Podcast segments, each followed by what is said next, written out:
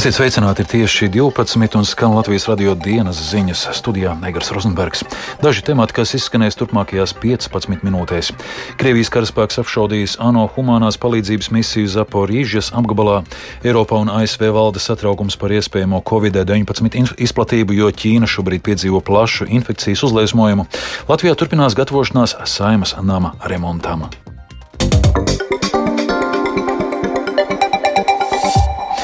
Krievijas karaspēks Zaporīžas apgabalā apšaudījis apvienoto nāciju organizācijas misiju, kas bija vienojusies par humanās palīdzības piegādi. Tā paziņojas apgabalā kara administrācijas vadītājs Aleksandrs Staruhs, norādot, ka Krievija turpina ignorēt visus kara likumus un pati savus solījumus. Krieviju viņš raksturojas kā pareizticīgo Talibanu, kam vienaldzīgas cilvēcīgas līdzcietības normas. Krievijas prezidents Vladimirs Putins ceturtdien uzdeva ieviest uguns pārtraukšanas režīmu visā frontes līnijā Ukrainā pareizticīgos ziemas Ziemassvētku laikā. Tomēr gandrīz uzreiz pēc tā stāšanās spēkā Krievijas karaspēks apšaudīja Ukrainas pilsētas.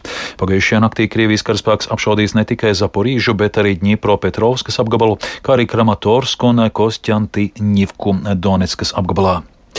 Ķīnā sākušies jaunā gada un pavasara festivāla svētki. Tie saskan ar valsts robežu atvēršanu un karantīnas prasību atcelšanu. Tādēļ daudzi ķīniešu turisti steidz doties ārpus valsts, lai aptuveni divu gadu, eh, pēc aptuveni divu gadu pārtraukuma apciemotu citas zemes. Tomēr Eiropā un ASV valda satraukums par iespējamo Covid-19 izplatību, jo Ķīna šobrīd piedzīvo plašu infekcijas uzliesmojumu. Plašāk stāsta mūsu Briseles korespondents Arķems Konohovs. Vēl pavisam nesen Ķīnā valdīja nulles covid politika, bet tagad šī valsts ir atcēlusi gandrīz visus ierobežojumus. Izmantojot šo brīdi, kā arī ķīniešu jaunā gada brīvdienas, daudzi dodas ilgi gaidītajos ceļojumos. Arī Briselē sestdien nolaidās lidmašīna no Ķīnas. Tomēr Beļģija, tāpat kā citas Eiropas Savienības valstis, tagad lūdz ceļotājiem no Ķīnas uzrādīt negatīvu covid-19 testu. Beļģijas sabiedriskās raidorganizācijas aptaujātie pasažieri par to nebija pārāk satraukti. Weird, I, I, I tas ir nedaudz jocīgi, bet mani tas nesatrauc. Tas ir pieņemami, tas ir tiešām pieņemami. Tas ir vajadzīgs drošībai. Es varu to saprast. Like es gribētu, lai abas puses izturētos vienādi, bet, ja tas tiek darīts, lai analizētu situāciju, tad tas ir pieņemami. Tāpat visās lidostās, kur ienāk reisi no Ķīnas, tiek rekomendēts īpaši pārbaudīt lidmašīnu kanalizācijas ūdeni. Tas var palīdzēt izsekot iespējamo jauno Covid-19 paveidu rašanos, jo Eiropas Savienība, kā arī Pasaules veselības organizācija, nepārāk uzticās Ķīnas oficiālajiem datiem par koronavīrusa izplatību. Briseles lidostas preses sekretāre Natālija Pierāra stāsta, ka no Ķīnas reisiem kanalizācijas ūdens tiek atsūknēts īpaši sagatavotā mašīnā. Protams, ka lidostā kanalizācijas ūdens tiek izpumpēts no visām lidmašīnām. Vienīgā atšķirība ir tajā, ka mēs parasti izpumpējam kanalizācijas ūdeni no vairākām lidmašīnām vienā asinizācijas mašīnā. Bet šajā gadījumā mums vajadzīga atsevišķa asinizācijas mašīna, kas tiek tīrīta tīrīta un dezinficēta pirms un pēc katra izbraukuma un ņem ūdeni tikai no vienas lidmašīnas. Tomēr nebūtu ne visas valstis ir piesardzīgas pret ķīniešu turistiem. Tādas valstis kā Taizeme ar nepacietību gaida ķīniešu pieplūdumu. Viņi to saredz kā iespēju pātrināt valsts ekonomikas atgūšanos no krīzes. Analītiķi uzskata, ka gada laikā turisms no Ķīnas varētu atgriezties pie pirms pandēmijas līmeņa. Ķīnieši ir pasaulē lielākā ceļotāju grupa, un līdz ar ekonomikas attīstību ir ievērojami pieaugusi arī viņu maksātspēja. Tādēļ daudzas valstis, kas paļaujas uz turismu, labprāt sagaida ķīniešu atgriešanos. Pavasara festivāla laikā, kas ilgst 40 dienas, ķīnieši aktīvi ceļo arī savā valstī.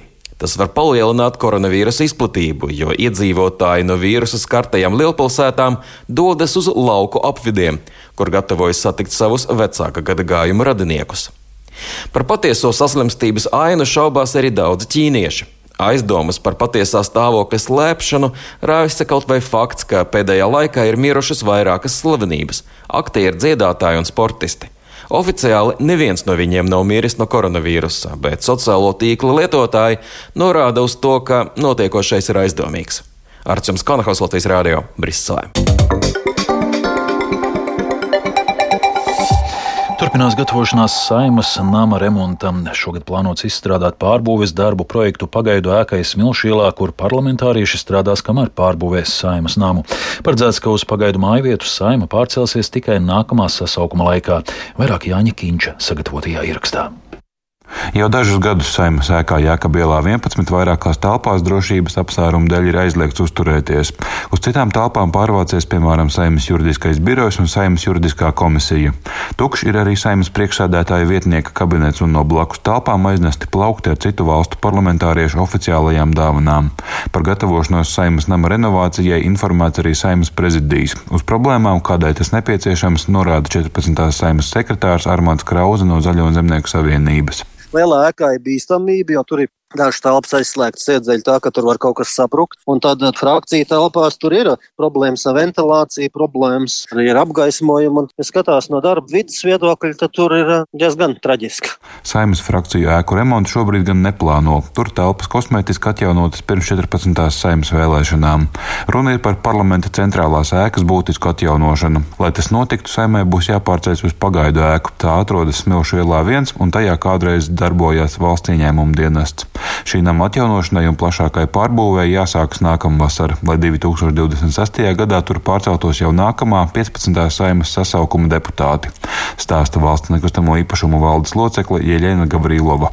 E kā šobrīd nu, nav paredzēta saimas vajadzībām, jo tur nav tik liela sēžu zāle, būs nepieciešams atsevišķās vietās nojaukt sienas, lai paplašinātu telpu. Un, protams, tur papildus jautājums vēl ir par pārsēgumiem, kurus arī būs jāmaina. Un EKA vēl ir plaisas, kuras jāsaka ar to. EKA nebija izmantota kopš 2019. gada, un ar kosmetiskiem darbiem tur noteikti nepietiks. Savukārt Saimas ēkas Jēkabielā 11 rekonstrukcija būs viens no vērienīgākajiem būvprojektiem kopš Latvijas valsts neatkarības atjaunošanas. Līdzīgi kā Rīgas pils kasteles atjaunošanai, arī Saimas nama renovācijai sagatavoties palīdzēs konsultatīva padome. Tajā pieaicināti arī arhitekti un dizaineri. Projekts būs liels izaicinājums visiem iesaistītajiem, un tam vajadzēs kopumā piecus gadus. Darbus plānot sākt 2026. gadā un pabeigt līdz 2028. gada beigām, stāsta Gavrīlova. Ēka ir kapitāli remontēta pirms aptuveni 40 gadiem, taču arī tad uh, darbi nenotika visās telpās. Pēc būvniecības valsts kontrolas biroja atzinuma vairākas telpās drošības apsvērumu dēļ šobrīd pat ir aizliegts uzturēties. Ka tur ir nepieciešami būtiski restaurācijas darbi. Eka stāvoklis tiešām ir slikts. Vietām nesošajās konstrukcijās ir e, būtiskas plaisas. Būs jāatjauno ne tikai inženieru tīkli, bet arī atsevišķās ēkas konstrukcijas, kā arī jārestaurē tajā arī esošās vēsturiskās un mākslinieciskas vērtības. Nu, tā kā apkopojot to visu divi gadi projektēšanai un trīs gadi būvniecībai. Bijušās valsts ieņēmuma dienesta ēkas pielāgošana parlamenta vajadzībām varētu izmaksāt ap 7 miljoniem eiro, bet saimas nama remonts ap 34 miljoniem eiro. Tomēr šīs izmaksas visticamāk vēl būtiski pieaugs, jo aprēķini tapuši vēl pirms Covid laika un izmaksu pieauguma pēc Krievijas iebrukuma Ukrainā. Jānis Kincis, Latvijas Radio. Šodien turpinās ziemas laika apstākļiem atbilstoši sporta veidi. Pasaules kausa posmos startē Latvijas biatlonisti, bobslīsti, kā arī kamaniņu braucēji Siguldā. Pat labam norisinās cīņa Baltijas kausa handbola turnīrā par bronzas godalgu. Vairāk par sportu pastāstīs Lotārs Zariņš. Sveiks! Jā, sveiks, Agar, un sveiki klausītāji! Kā tad šobrīd veicas Latvijas izlasē cīņā par bronzu? Jā, nu spēle labāk iesāka tieši Lietuvas izlase ar gūtiem vārtiem, un trešā minūtē rezultātu izlīdzināja Latvijas handbolisti. Kopumā mačs gan aizraujošs ar vairākām divcīņām, un šobrīd otrajā puslaikā, 19. minūtē, rezultāts 21-14 par labu Lietuvas izlasē. Nu, vakardien Latvija ar 26 pret 35 atzīmīja Gaunijas pārākumu. Nikita Pančenko ar septiņiem gūtiem vārtiem bija rezultatīvākais Latvijas izlases rindās. Taču jāatzīmē, ka Latvijas izlases spēlētāju sarakstā šoreiz ir vairāk tieši jauno spēlētāju. Kas vēl šodien aktuāls sportā? Šodien Siguldā turpinās pasaules kausa posms kamaniņu sportā. Pirmajā braucienā trases rekordu laboja un līderpozīciju ieņem Kristers Aparjots, tikmēr otrs Latvijas kamaniņu braucējs Gins Bērziņš pirmo braucienu noslēdz piektajā vietā, un tagad jau rīt otrais brauciens. Taču biedējošs skats bija otrajā braucienā, kad trasē krita austriešu sportists Jonas Mellers. Viņa komandas izlidoja no trases, bet par laimi vietā, kur nebija skatītāji. Sports tam esot viss kārtībā. 13.20 komandas stāfet, kur startēs arī Elīnija Vītola, Aparjots un divniekos Mārtiņš Bots ar Robertu Plūmi. Tāpat Latvijas biatlonisti Pokļukā pasaules kausa 4. posmā piedalīsies stafetes disciplinā. Iesākumā 12.45. paredzēta jauktā pāru stafete, kur Latviju pārstāvēs Andrejs Rastargujevs un Baiba Bendika. Savukārt 15.25. distancē dosies jauktā stafetes dalībnieki Aleksandrs Patrijuks, Renārs Birkentāls un māsas Sandra un Sanita Būliņas. Visi starti būs vērojami LTV 7 kanālā. Tāpat Latvijas bobsleja pilota e, Emīla Cipuļa ekipāža vakar Vinterbergas trasē pasaules kausa posmā divnieku sacensībās ieņem 7. vietu, bet Jēkaba Kalēnas pilotātais divnieks finišēja dalītā 14. vietā, un šodien Cipuļa un Kalēnas ekipāžām paredzēta brauciena četrnieku sacensībās. Pirmais brauciens paredzēts 15.30. Un uh, Latvijas boxeris Ričards Bolotņiks kopš aprīļa nav aizdījis nevienu cīņu, lai gan novembrī sports tam bija paredzēts duels pret angļu boxeru. Un novembra beigās Bolotņiks jau bija ieradies Anglijā, lai aizdītu cīņu pret Gregu Ričardsu, bet tā pēdējā brīdī tika atcelta. Un attaisnojumi no Britu komandas puses bijuši dažādi, bet skaidri iemesli nav bijis. Šobrīd iezīmēts neoficiāls datums, kurā abi boxeri varētu tikties atkal ringā. Turpina Ričards Bolotņiks. Nekas oficiāli pagaidām nav nekas, ne, neviens neko teikt, ne Eģihorn, ne, ne Mašrumu vēl pagaidām neko nav liks, bet uh, ir kāds domas, ka 25. februāris. Vot, bet tas nav oficiāli, pagaidām tas nav arī 100%, bet mēs jau sākam jau trenēties jau no 2. janvāra. Nu, mēs jau pagājuši gadu uh, trenējamies tur tā pa bišķiņu, bet no 2. janvāra man tagad sākās jau tā treniņu nometne, no pa diviem treniņiem dienā, un, un, un Tā kā trenējamies un gaidām kaut ko, kaut ko gaidām. Pagaidām nezinām, ko, bet kaut ko jau gaidām. Biļešu tirzniecību uz dziesmu un dēļu svētku pasākumiem notiks pakāpeniski vairāku dienu laikā. Par to, kā tas precīzi notiks, organizētais sola vēl informēt atsevišķi. Dziesmu un dēļu svētku izpildu direktori Daina Markova Latvijas radio atzina, ka pasākuma rīkotāji vēloties izvairīties no tāda pircēju pieplūduma un tirzniecības serveru slodzes, kāda pieredzēta iepriekš. Nu, skaidrs ir arī tas, ka uz svētku noslēgumu lielajām programmām tas pieprasījums būs ļoti liels un ka visi pie biļetēm netiks. Tas, ko mēs varam darīt, arī esam iestrādājuši šajā biļešu tirdzniecības pakalpojumu iepirkuma dokumentācijā, pieprasot lielākas serveru jaudas tieši paredzot šādus gadījumus. Mēs ceram arī, ka tehnoloģijas tomēr ir gājušas uz priekšu, salīdzinoši ar iepriekšējo gadu. Uzskatām par svarīgu, lai arī tad, ja ir ļoti liels pieplūdums tajā konkrētajā biļešu iegādes brīdī, lai pircējs ir informēts par to, kas notiek. Ar to izskan Latvijas radio dienas ziņas. Producents Viktors Pupiks, ierakstus montēja Renāšu Šteimanis, par labskaņu rūpējās Mārtiņš Paeglis. Studijā Negras Rozenbergs vēlreiz īsumā par svarīgāko. Krievijas karaspēks apšaudījis ANO humanās palīdzības misiju Zaporīžas apgabalā. Eiropā un ASV valda satraukums par iespējamo Covid-19 izplatību, jo Ķīna šobrīd piedzīvo plašu infekcijas uzliesmojumu. Latvijā turpinās gatavošanās saimas nama remontam. Un vēl par laikapstākļiem. Yeah. Pat labi galvaspilsētā mīnus 5 grādi lēns dienvidu austrumu vējš, atmosfēras spiediens 767 mm, relatīvais gaisa mitrums 87%.